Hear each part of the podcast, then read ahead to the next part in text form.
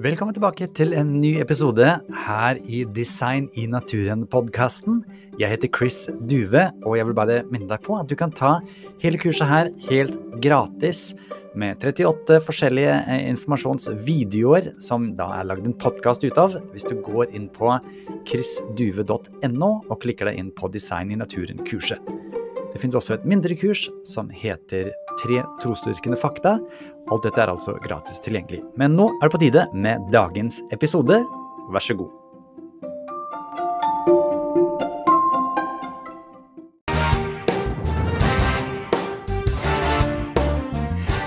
Dere, nå skal vi få lov til å møte professor dr. Steinar Thorvaldsen, som jobber ved Universitetet i Tromsø. Og det blir koselig. Jeg har møtt han ved mange anledninger. Han er en hvem vil jeg si. En god bekjent, i alle fall. Og Steinar, jeg setter stor pris på at du har lyst til å være med på eh, videosesjonen nå. Det setter jeg også stor pris på, og det skal bli interessant. det håper vi. Vi har lyst til å høre litt om det som du har forska på, men først så tenkte jeg bare å høre hva din vitenskapelige bakgrunn er for noe. Ja, jeg er utdanna innenfor realfag eh, i Trondheim. Og um, matematikk, fysikk og uh, også informatikk. Og de siste 20 årene har jeg faktisk jobba innenfor et nytt fagområde som heter bioinformatikk. Jobba en god del der. Og også skrevet forskningsartikler, og er for tiden da professor i det som heter informasjonsvitenskap.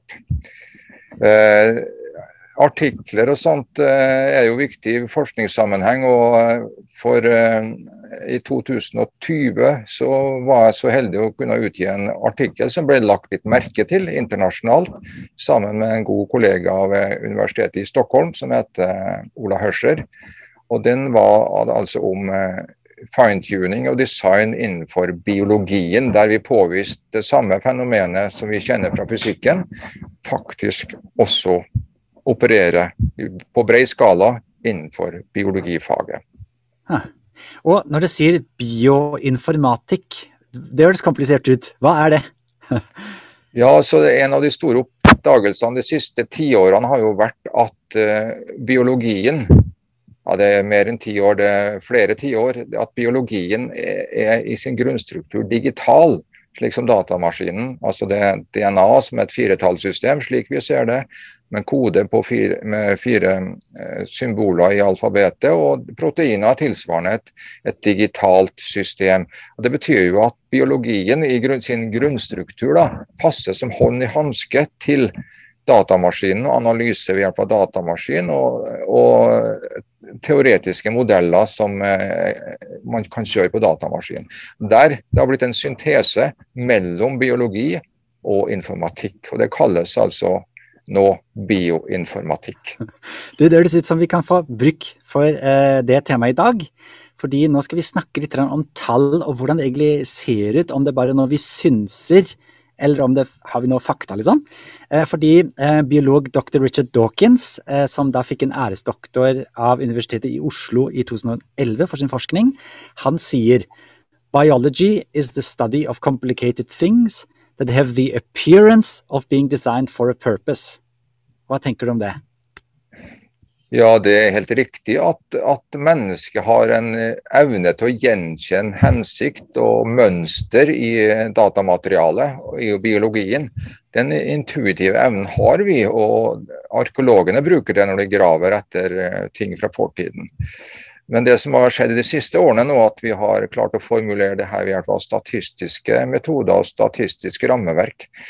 Og de her fint fungerende systemene de blir ikke til gradvis. Det må en helhetlig plan for å få alle komponentene til å spille sammen.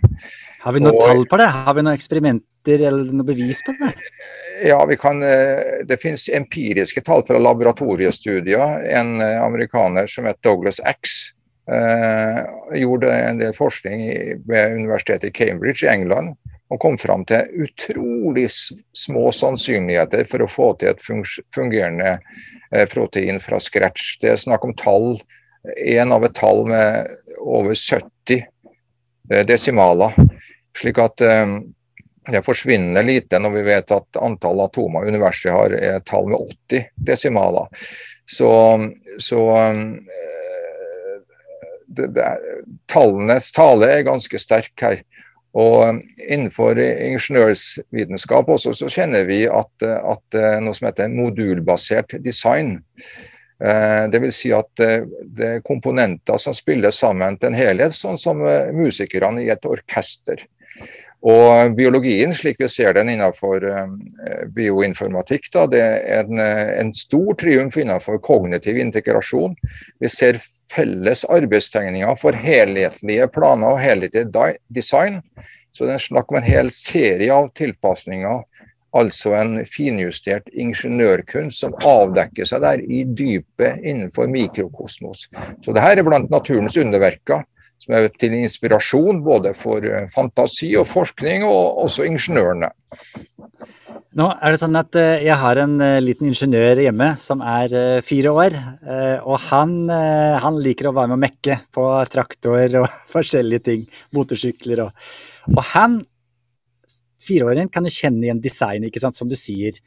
Um, ser han et krølla ark eller et papirfly, så skjønner han at papirfly er, er noen som har lagd. Så det, det, det skal jeg lett gå med på.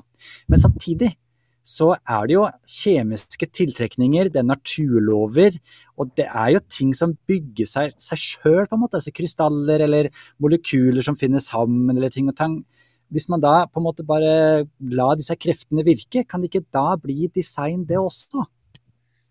Jo, men her trengs det mye mer enn en kjemiske lover om pluss og minus og vannavstøtning som heter hydrofobisitet og naturlover. Her er det sluttproduktet som teller. og La meg forklare det her ved et, eh, hjelp av et enzym som vi har forska veldig mye på ved Universitetet i Tromsø. Faktisk eh, fått kommersialisert det også. Og her ser du en slik eksempel på noe som opererer i mikrokosmos i våre celler.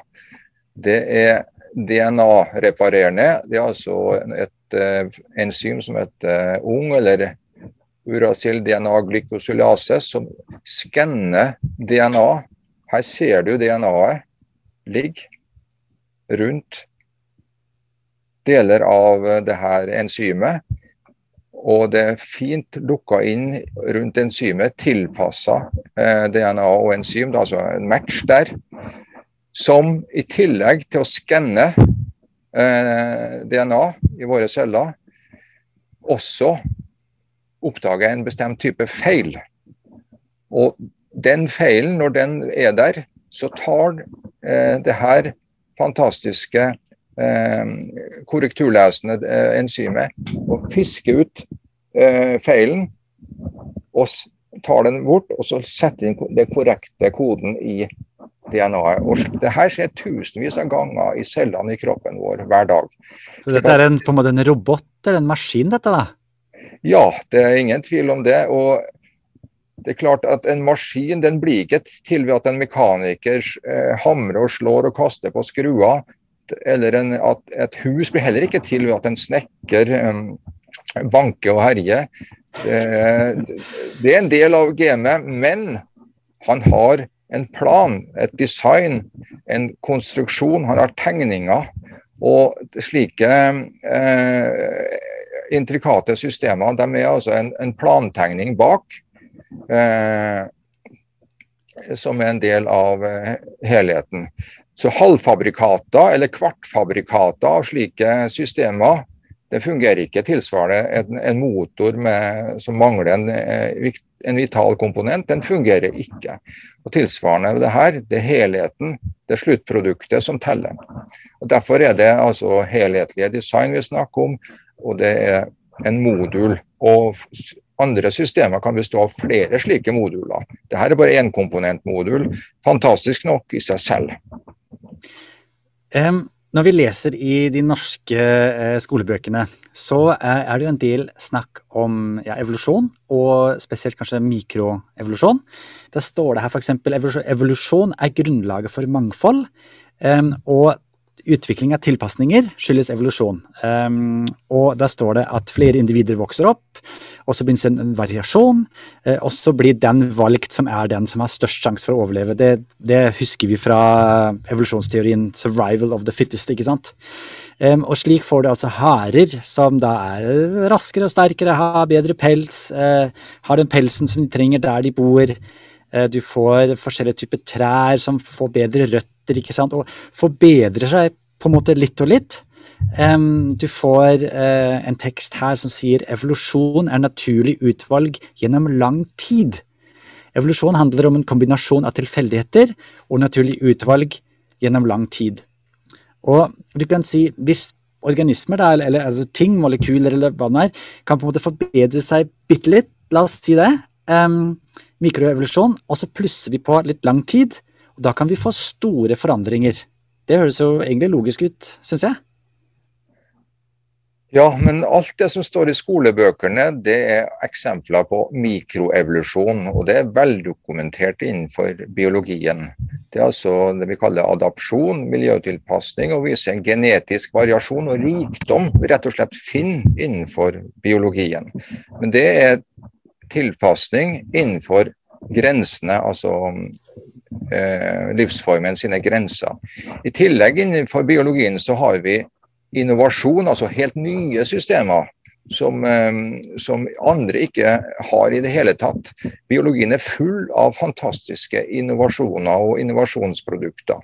Og For å ta eksempler da, som, eh, som er litt sånn uh, velkjent for de fleste av oss, så kan du se på um,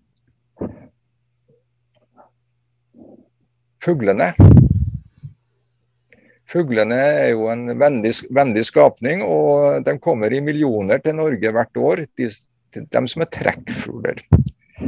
Og vi har jo tenkt i mange år hvor, hvordan i all verden klarer de her å navigere? For de er jo langt borte om vinteren. Og hvordan klarer, klarer de å finne tilbake? De klarer til og med å altså, finne sitt egen gamle reirplass. Og hvordan er det mulig når de er langt, så langt i det fjerne? Med et bitte lite Hjernen er vel kanskje ikke større enn noe sånt? ja, men den hjernen har også en, en rikdom, en slags sånn eh, instrumentell intelligens. Og den er, for, er det forska mye på.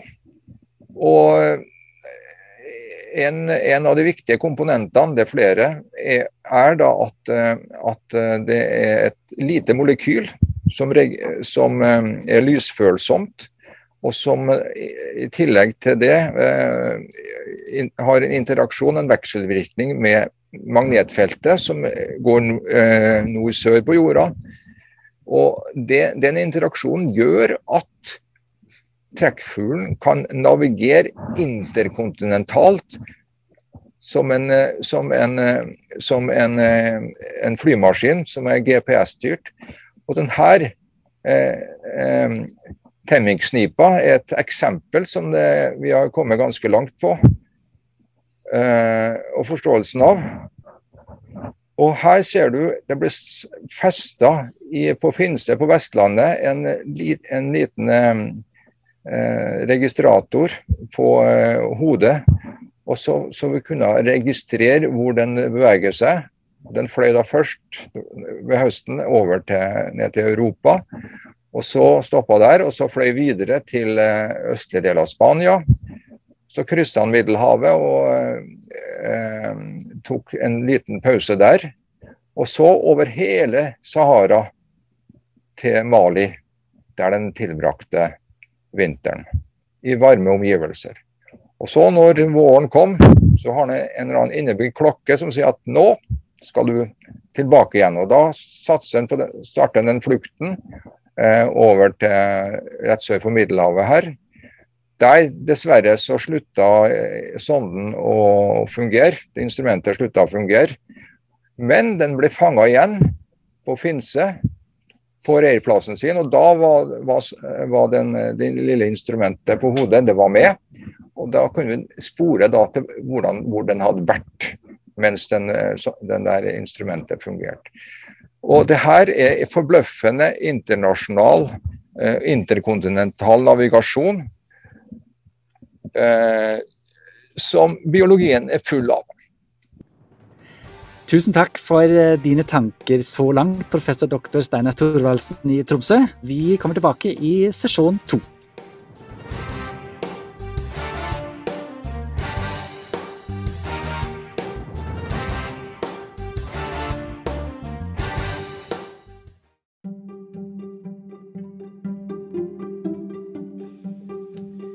Igjen, dersom du ønsker å få tilgang til de hjelpearkene eller oppgavearkene, så er det jo fullt mulig for deg å signe opp til kurset. Da går det an å laste det ned. Hvis du går inn på chrisduve.no, så ser du all informasjonen der. Dersom du ønsker å støtte denne podkasten og annet arbeid som jeg holder på med, kan du også lese mer om det på chrisduve.no. Takk for nå.